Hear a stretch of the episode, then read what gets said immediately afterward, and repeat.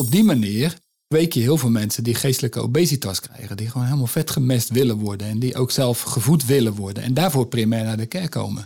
Die komen niet meestal naar de kerk om toegerust te worden voor dienstbetoon. Maar om zelf gevoed te worden. Dit is het tweede seizoen van de podcast De Kansen voor de Kerk. Waarin ik, Arnoud Drop, directeur van Alpha Nederland, op zoek ga naar de kansen voor de kerk in deze tijd. Elke aflevering spreek ik met een deskundige over dat ene, dat bijzondere. Waar ik gepassioneerd en hoopvol over ben, maar waar ik door diezelfde passie soms ook zo mee worstel: de kerk. Wat gaaf dat je deze zoektocht verder wilt volgen. Dat kun je alleen doen door ook zelf in de spiegel te kijken en te denken aan je eigen kerk. De tijd is niet stil blijven staan. Net als de ontwikkelingen in en rondom de kerk. Wat kunnen we leren van het toen, nu en straks? Dit is De Kansen voor de Kerk. In deze aflevering spreek ik met Theo Visser, leider van het interculturele kerkplantersnetwerk in Europa. We spreken over discipelen als werkwoord. Discipelschap is een modewoord, maar ook vaak een kunst die wij als kerk in Nederland verleerd lijken te zijn. Wat is eigenlijk een discipel? Theo heeft jaren ervaring in het planten van interculturele kerken en ziet daarin een centrale rol voor Alpha. Waarom is hij daar zo enthousiast over? Waarom zijn voor hem juist kleine communities essentieel? Theo vertelt ook over zijn reis en ervaringen in het maken van discipelen, die uiteindelijk zelf weer discipelen maken. Ik ga het ontdekken in de kansen voor de kerk, de discipel.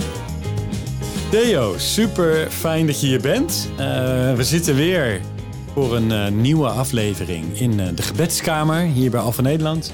Als je om je heen kijkt, mooi. Achter je hangt het Onze Vader, daar heb ik uitzicht op. Ik weet niet waar jij uitzicht hebt op onze gebedsmuur met dankpunten en gebedspunten. Waar we iedere week terugblikken op afgelopen week en vooruitkijken aan volgende, naar volgende week. Um, maar wij zijn hier nu om te praten met elkaar. Um, om ons te verdiepen in de kansen voor de kerk, de discipel. Dat is natuurlijk een prachtig woord, ook een beetje een eh, modewoord vind ik wel eens in de kerk, discipelschap. Maar ook zo'n containerbegrip. Zo'n groot woord waar soms een beetje onduidelijk is wat wordt daar nou precies mee bedoeld. Uh, het werpt mij meteen terug naar de grote opdracht. Matthäus 28, ga de wereld in maak alle volken tot mijn leerlingen, maak ze allemaal tot mijn discipel. Nou, en leer ze alles wat ik u geboden heb en doop ze in de naam van de Vader, Zoon en Heilige Geest. En, ja, en tekenen zullen meegaan en alles wat uh, de, de, verschillende evangeliën rond die tijd beloven uh, en als tekst van Jezus meegeven.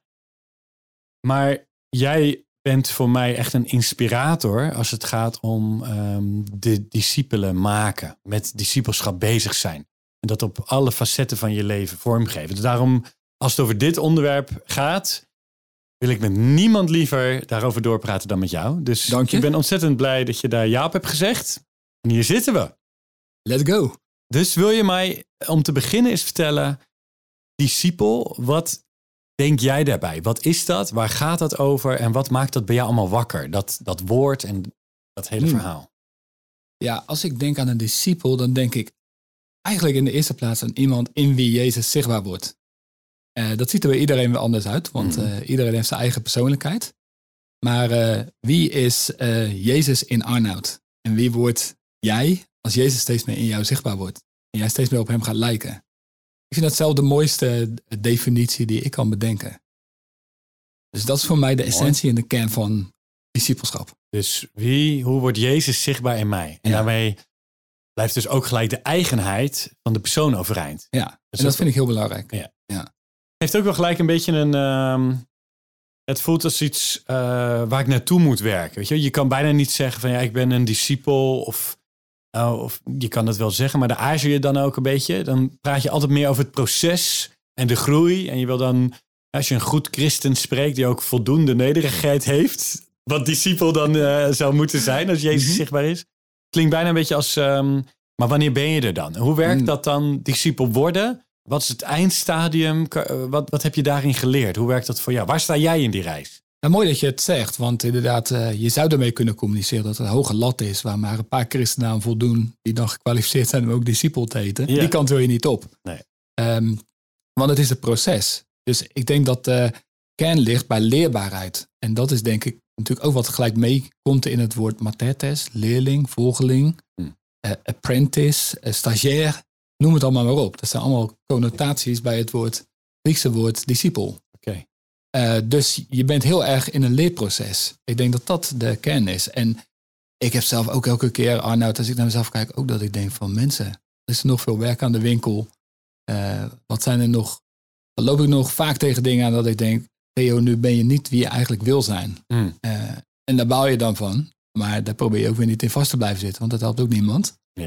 Om toch weer dan ja, omhoog te kijken en weer verder te gaan. En je niet te laten ontmoedigen. Dus het is een proces. Het is absoluut een proces. Wat eigenlijk dus nooit af is. En het is nooit af, denk ik, tot je, tot je laatste snik ben je bezig, man. Want kun je eigenlijk concluderen, als je denkt dat je er bent, ben je al geen discipel meer. Want dan Nee, ben je het leerlingschap verloren. precies. Dan, eh, ja, als leerling groei je nooit boven de meester uit, in dit geval. Dat zijn wat bemoedigende startwoorden. Ja. Maar, eh, waardoor ik nog meer zin krijg in dit gesprek. Dus het is nog, eh, we zitten nog op de goede weg.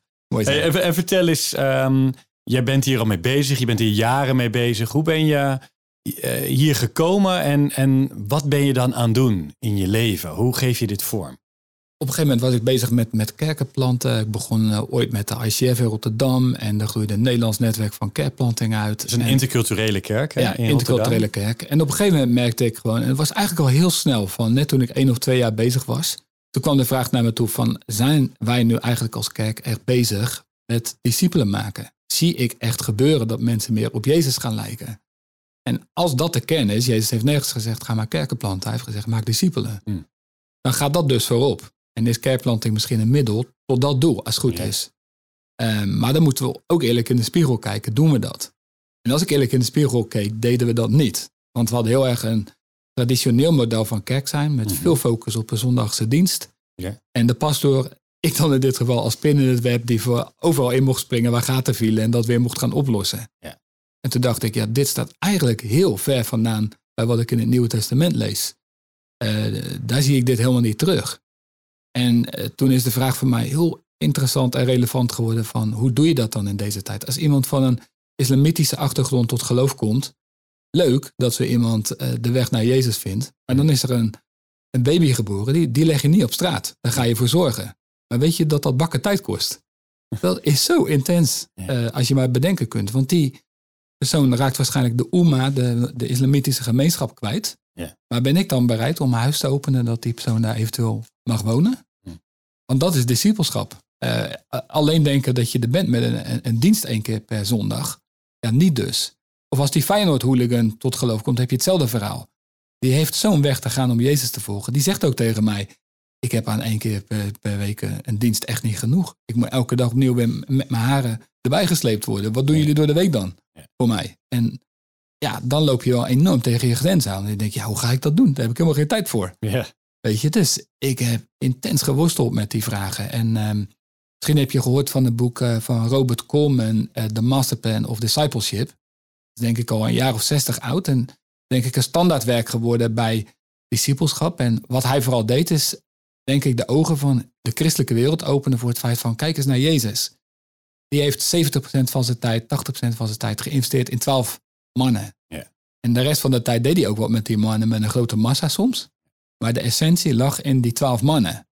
Zijn wij bereid om ook weer in een klein aantal mensen te gaan investeren?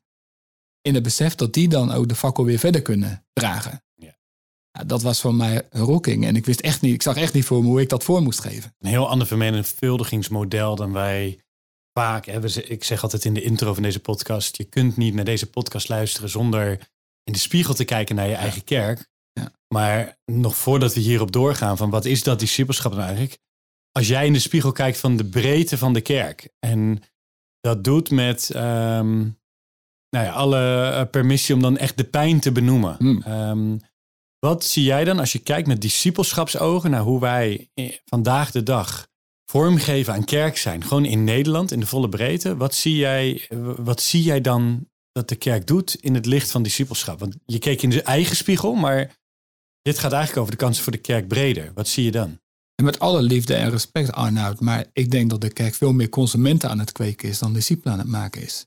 Dus ons hele kerkmodel is uh, nog steeds gebaseerd op het uh, model van we hebben de, de clergy, de, de, de, de, de kerkelijke leiders, Mhm. die voor de leken bezig zijn en die zich geslag in de rond te werken om ons een goede dienst te bezorgen, een goede worship experience te geven en wat dan ook. Tenminste, daar ligt heel vaak een heel groot accent op.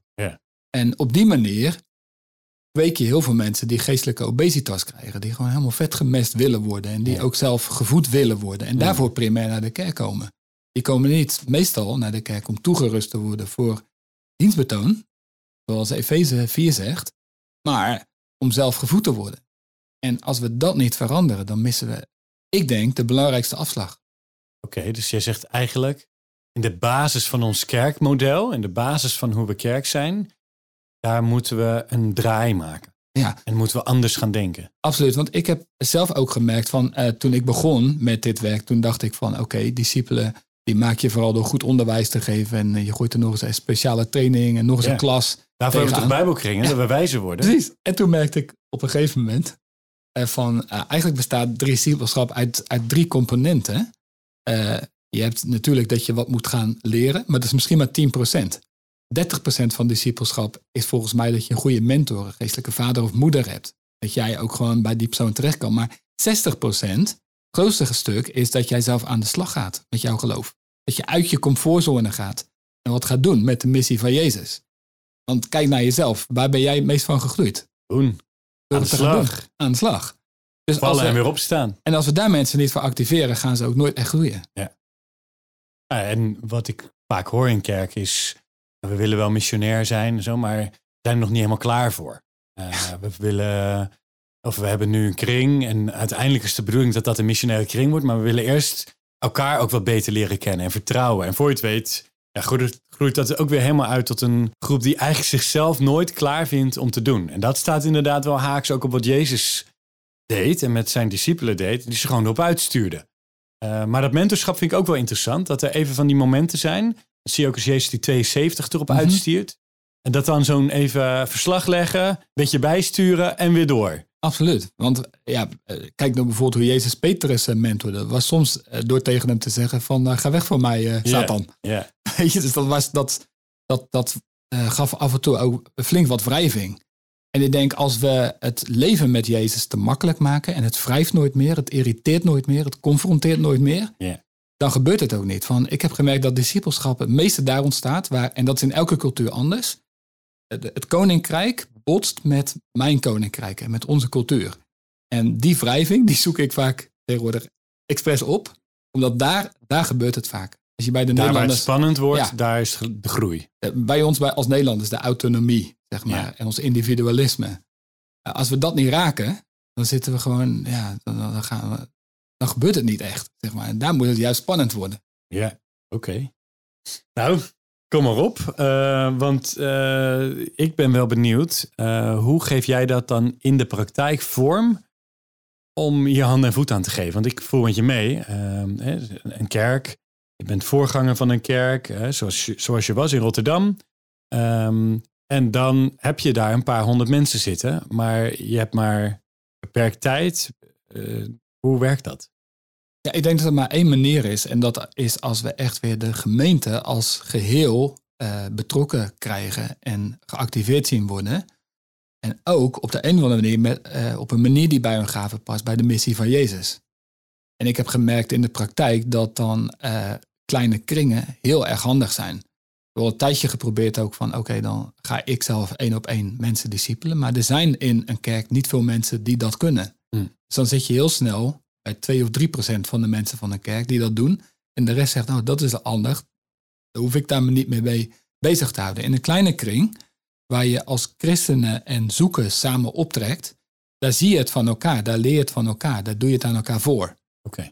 Dus er was pas iemand die tegen mij zei eh, van, eh, hey, ik vind het zo leuk dat ik in deze kring leer van een ander hoe je diepere vragen stelt in een gesprek. Want ik weet zelf helemaal niet goed hoe ik dat moet doen.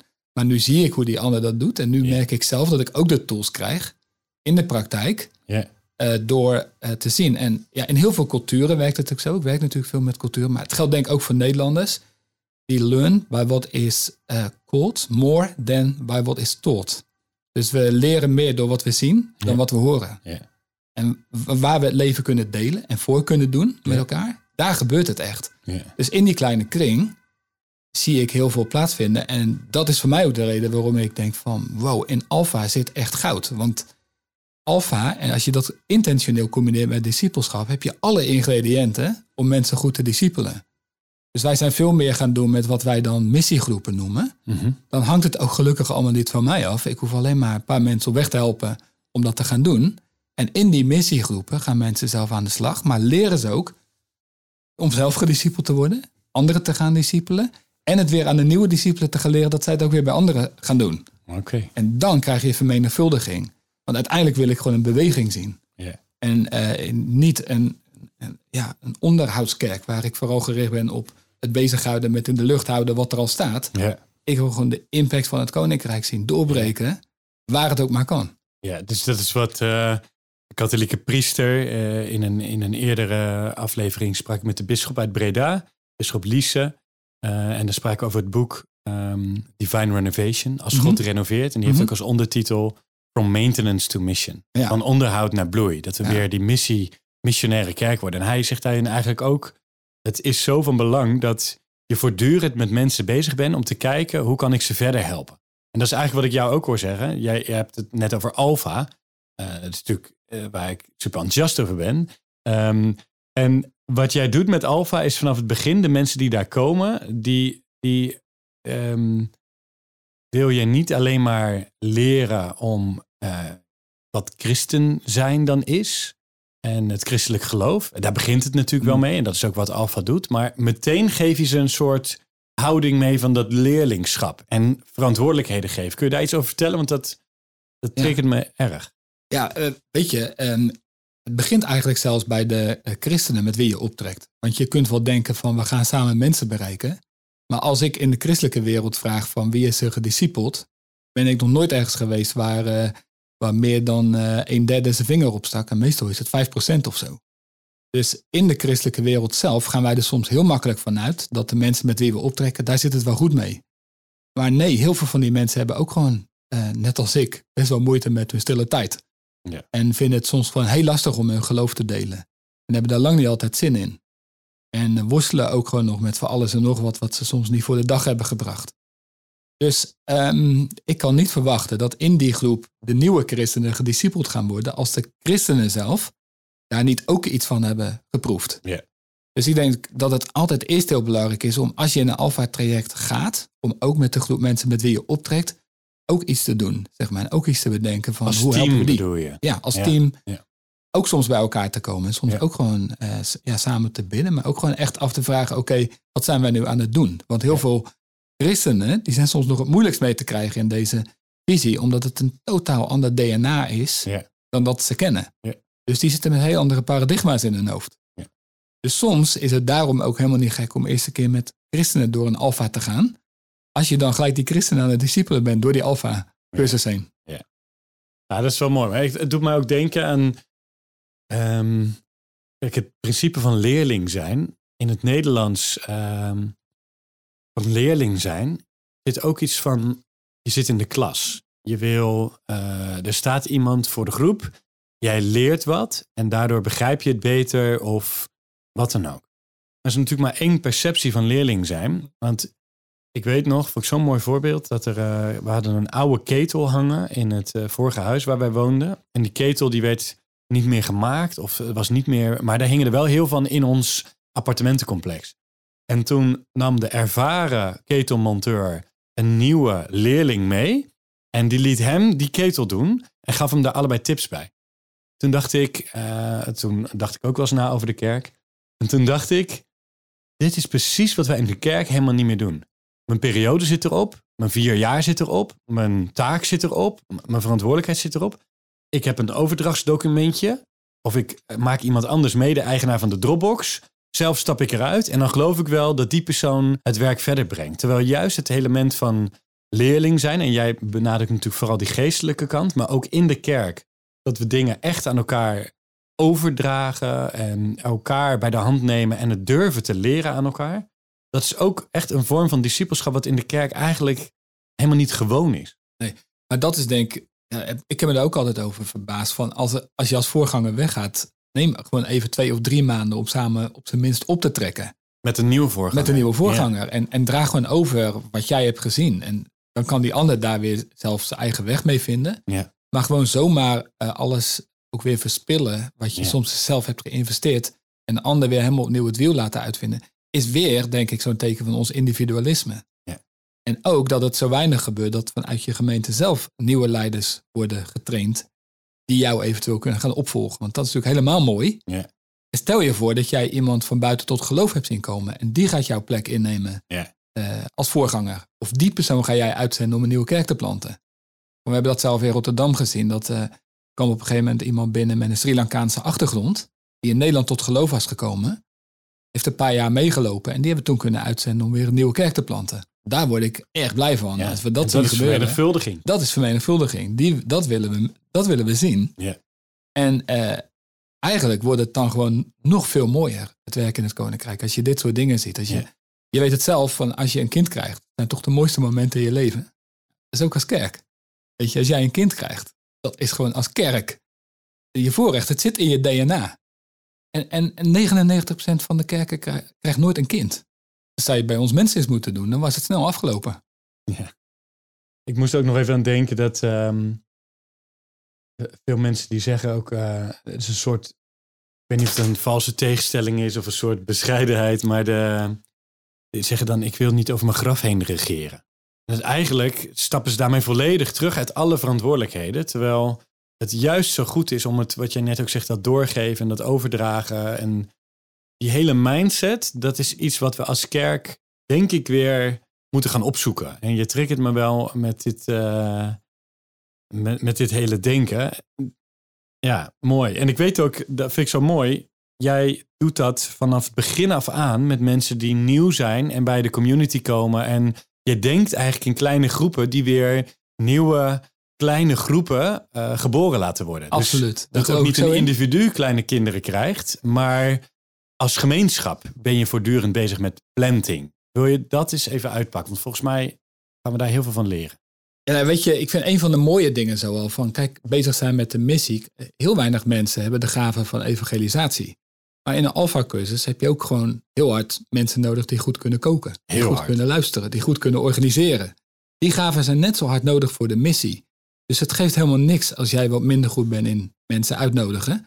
Maar zet dan jouw gaven ook in, in die groep. Ja. Een echte evangelist is meestal niet de beste persoon om ook te gaan zorgen voor de mensen die tot geloof zijn gekomen.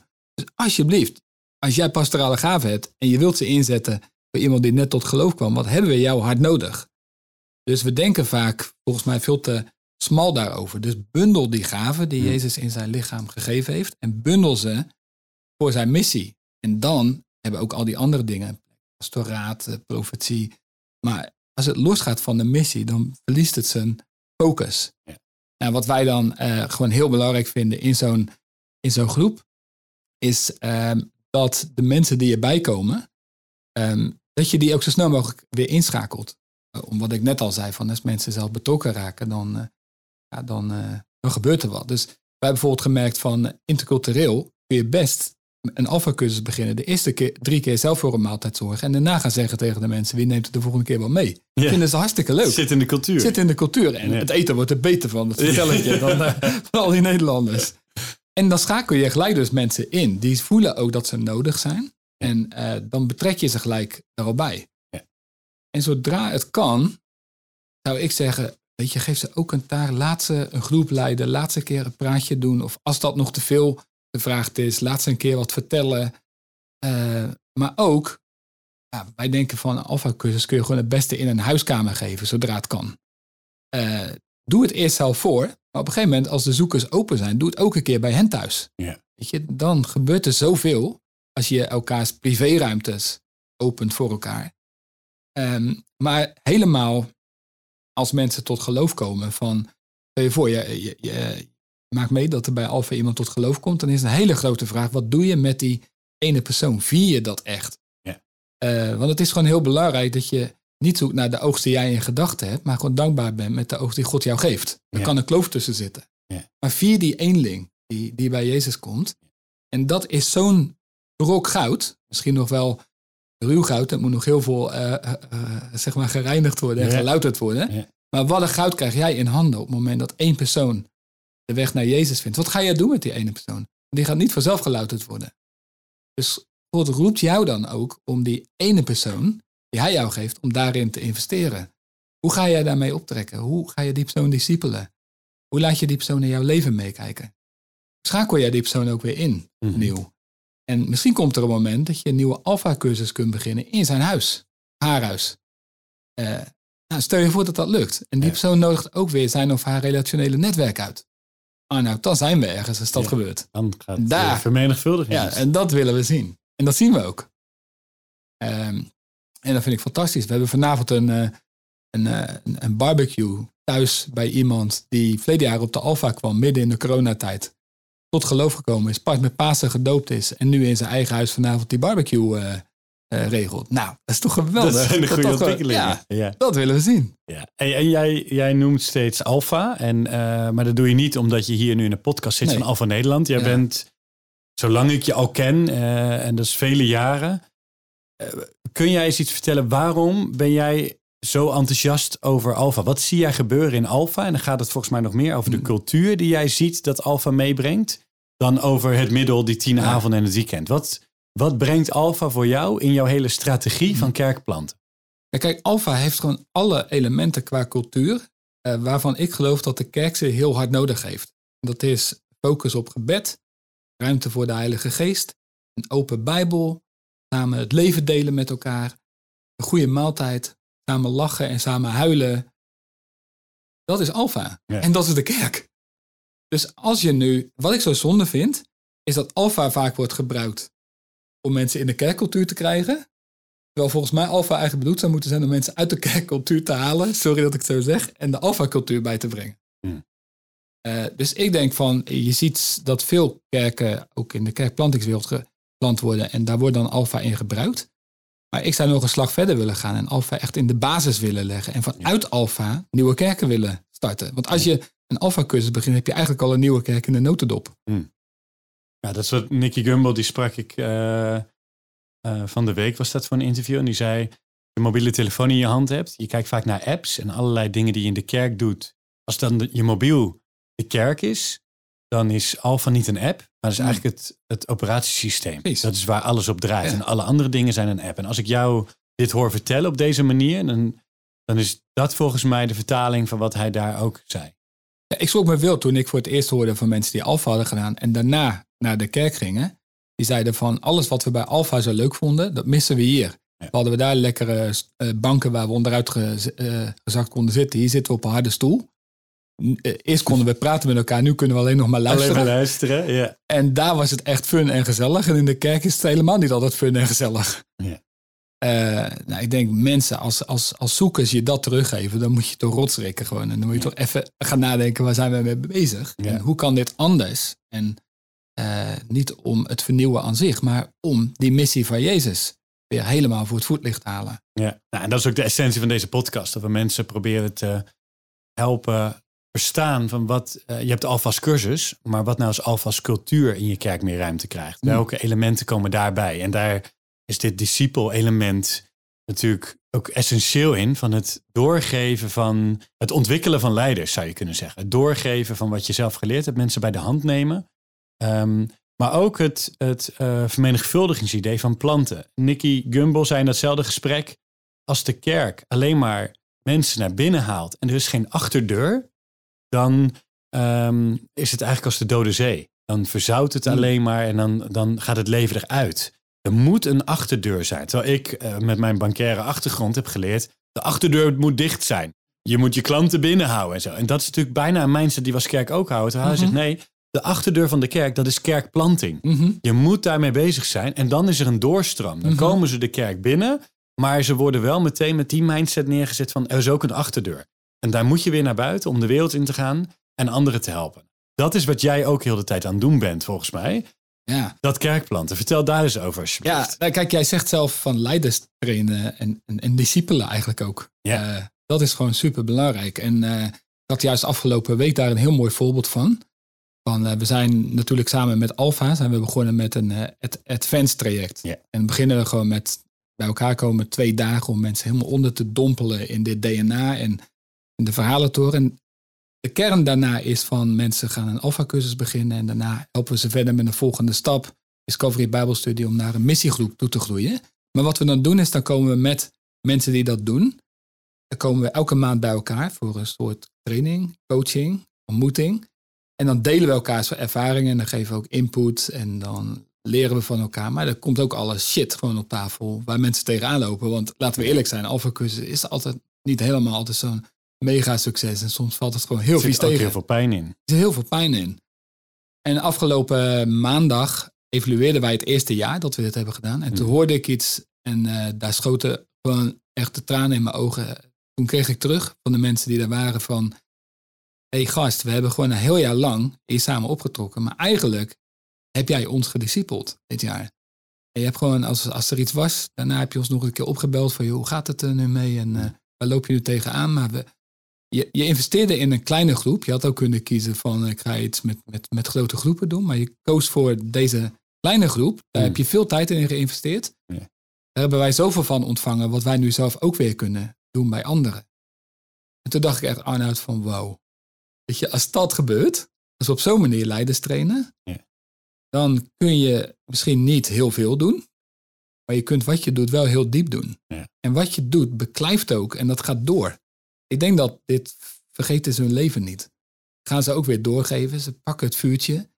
Gelukkig niet alleen van mij, maar ook van elkaar. En vooral van Gods geest. Maar die combi, als je dat bij elkaar brengt, die, dan is het heel intens. Het kost tijd. Ik ben me daarvan bewust. Dat hebben we niet altijd veel. Maar wat is er mooier dan bezig te zijn met de kernmissie waar Jezus zijn leven voor gaf? Ja, dat is, dat is natuurlijk prachtig, want dan ervaren ze het, maken ze het eigen en gaan ze het nadoen. En, en dat element van tijd, dat, dat, want misschien zitten hier mensen naar te luisteren en denken, ja, ja, als dit je werk is, snap ik het. Um, maar wat ik mooi vind in um, wat ik van jou weet, is dat je ook kijkt naar, maar welke dingen doe ik al in mijn leven? Mm. En kan ik daar gewoon mensen bij uitnodigen? Als jij, vertel eens, als jij op kraamvisite gaat uh, bij iemand in je kerk, ja. dan doe je dat niet alleen. Ja, leuk voorbeeld. Ja, uh, kijk, als ik, als ik op uh, kraambezoek ga bij iemand, dat gebeurde pas, die, die bij Alfa gekomen was en die klein had gekregen, dan vraag ik een andere gast die ook bij Alfa is gekomen en, en daar net tot geloof gekomen is, ga je met mij mee op kraambezoek? Weet je, en dan ziet hij gewoon in de praktijk hoe we dat doen. En dan bidden we, danken we samen voor die kleine. En dan hebben we gewoon even een leuk moment. En dan leer je in de praktijk dus wat het is. Dus ik denk van, het is helemaal niet uh, ja, moeilijk in een kerk om als jij als voorganger of uh, je werk doet, van neem altijd iemand op sleeptouw. Haal er iemand bij. Liefst iemand die van buiten komt. Want je bent daar toch al bij dat bezoek. Als jij nou onderweg iemand kan laten zien wat jij doet, uh, die dan op een gegeven moment kun je die persoon ook weer vragen van joh, kun jij daar, en daar eens op bezoek gaan? En daarna bel je even hoe ging het? Weet je wel? En, uh, en dan weet je, die gaat daarheen, die heeft een mooi gesprek en die bidt voor die kleine en dankt voor die kleine en dat dat doorgaat. Ja, En, en dat is opnieuw helemaal niet zo ingewikkeld. Het is gewoon een cultuur, het is een levensstijl. Uh, en het maakt het werk gewoon een stuk dieper. Ja. En, maar, maar dat verandert wel een mindset, want nu denken we vaak in, oh maar discipelschap is dus weer iets wat ik erbij moet doen. En ik heb er zo'n volle agenda. Mhm. Maar eigenlijk zeg jij, kijk gewoon naar je agenda. En kijk even, wie neem ik waarmee naartoe? En dan ga je dus eigenlijk nergens alleen naartoe. Want dat is, dat is pas tijdsverspilling. Ja, dat is tijdsverspilling. Ja. dat zeg je heel leuk. Ja. Dat, zou, dat is echt zonde van je tijd. Als je het alleen doet. Nou, dat is wel omdenken. Dat is anders denken. Ja. Maar wel mooi, man. Als je dit doet, gewoon, eh, dan zie je gewoon, ja, je ziet vrucht. En dat wil je toch? Als je dit werk in het koninkrijk doet, wil je toch gewoon vrucht zien. Ja. En, en welke vruchten zie jij nu um, op het discipel, um, nou, de discipelschapstrajecten die je hebt gehad? Uh, je vertelde net wat over de afgelopen jaren en alles, maar je bent al jaren bezig ook met kerkplanting. Mm. En uh, in Rotterdam ook met een gemeente die weer nieuwe gemeentes heeft uh, gesticht. Wat voor vruchten zie jij hier vandaan? En wat zie je voor verschil in die mindset bij die mensen dat het ook doorgaat? Dat het niet, weet je, het, het, houdt niet op bij jou, maar het zijn ook weer anderen die anderen tot discipel maken. Nou, ik wil allereerst gewoon ook heel eerlijk zeggen: het is geen succesverhaal. Het is ook geen maakbaarheidsverhaal. Nee, het is ook geen recept van doe dit of dat. Maar het is meer van um, laat je gewoon heel diep, en dat vind ik wel belangrijk om dat gewoon ook hier nog te zeggen: van laat je gewoon eerst heel diep meenemen naar het hart van God. Waarom zou je dit eigenlijk doen? Ja. Nou, omdat de Zoon van God gekomen is om te zoeken en te redden wat verloren is. Uh, omdat er een, een, een, hemelse viering is van het ene uiteinde van de galaxies tot de andere, als één zondaar zich bekeert. Ja. En omdat het niet zo erg is als mensen vervreemd leven van God. En niet zo mooi is als mensen thuiskomen bij Hem. Mm. En tot bloei komen dat ze Jezus ontmoeten. Daar doe je het voor. En daar moet je hart op de ene manier steeds opnieuw weer door geraakt worden. Als je dit als een mechanisch trucje gaat doen, omdat het hoort bij een goede christen, ben je al gewoon helemaal weg. En als dat niet je bron is en je motivatie is, ga dan alsjeblieft daarna terug. Want anders is het gewoon gebakken lucht. Dat is wel het eerste wat ik erbij zou willen zeggen. Tweede is dan van, uh, vanuit die uh, verbondenheid met Jezus, uh, droom dan ook van wat hij kan doen. Kijk niet naar jouw menselijke mogelijkheden. Denk niet aan wat jij voor God kan doen, maar droom van wat God door jou kan doen. Mm. Want dat is een nogal ander verhaal. Yeah. nogal ander perspectief. En dan mag, durf je ook groter te dromen. Absoluut. Dus toen wij in 2012 uh, visie kregen om nog eens een keer een nieuwe kerk in Rotterdam te beginnen, Leef, bedachten we van wat zou het tof zijn als dat dan de kerkplantende kerk zou kunnen worden.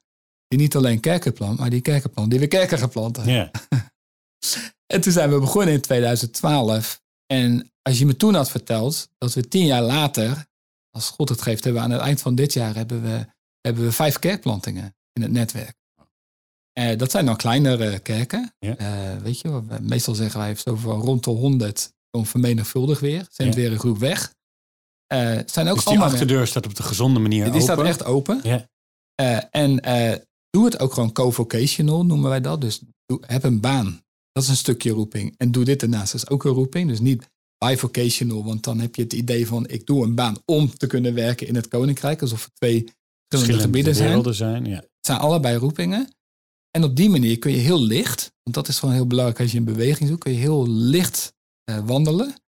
Uh, en je, je hebt maar weinig tijd, dus je moet heel veel mensen om je heen trainen om het werk te doen. Want jij kan het niet eens doen. Ja. Weet je, al zou je het al willen, je hebt maar twee dagen. Dus Ja. ja, het enige wat jij kan doen is andere trainen. Schaarste maakt je dus creatief om weer nieuwe mensen creatief. op te leiden. Ja. En zo werkt het dus ook nog echt. Zeg maar. Ja. het, is, het is één ding om die droom te hebben, maar het is een ander ding om het ook te zien gebeuren. Ja. En wij blijven dan ook zoeken, hoe kunnen we dat nog een slag dieper verankeren, die missional communities. Want je ziet gewoon, de een pakt het dieper en beter dan de ander.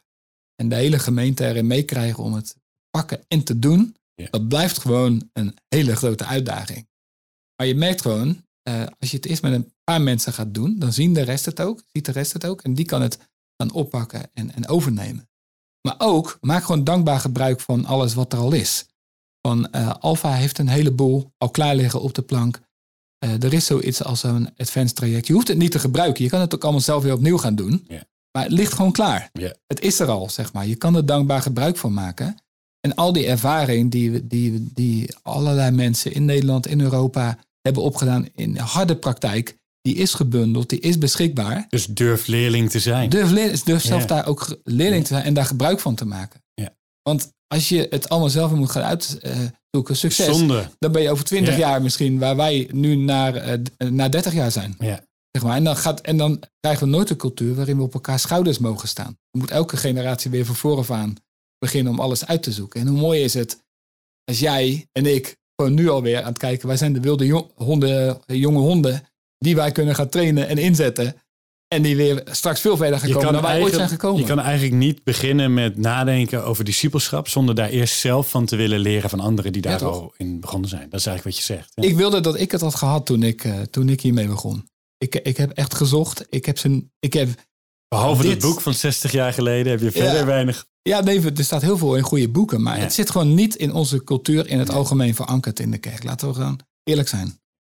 En nu zitten hier mensen en lopen hier mensen en staan hier mensen naar te luisteren. En sommigen zitten misschien wel voor hun vakantietent. Die denken, dit ga ik anders doen eh, als ik straks terugkom van de zomervakantie. En we beginnen straks met nieuwe kerkseizoen. Of dat nou kerkleiders zijn of mensen eh, die op andere plekken in de kerk betrokken zijn.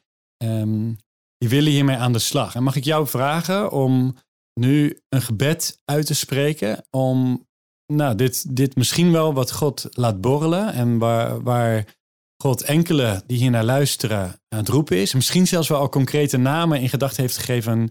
Eigenlijk is dat iemand die ik wel zou kunnen discipelen. Of misschien mensen die daarnaar op zoek zijn. Maar wil je ons in een moment van gebed meenemen om, om dat van start te laten gaan. Omdat we dat niet willen doen uit eigen kracht en niet op basis van een, een mooi gesprek via de podcast, maar uiteindelijk echt vanuit dat bewogen hart van Jezus, wat al klopte vanaf het begin met de strategie om andere discipelen te maken die het weer verder brengen. Dus er zijn misschien zaadjes geplant en zullen we die uh, in gebed bij God uh, neerleggen. Heel graag, man. Heel graag.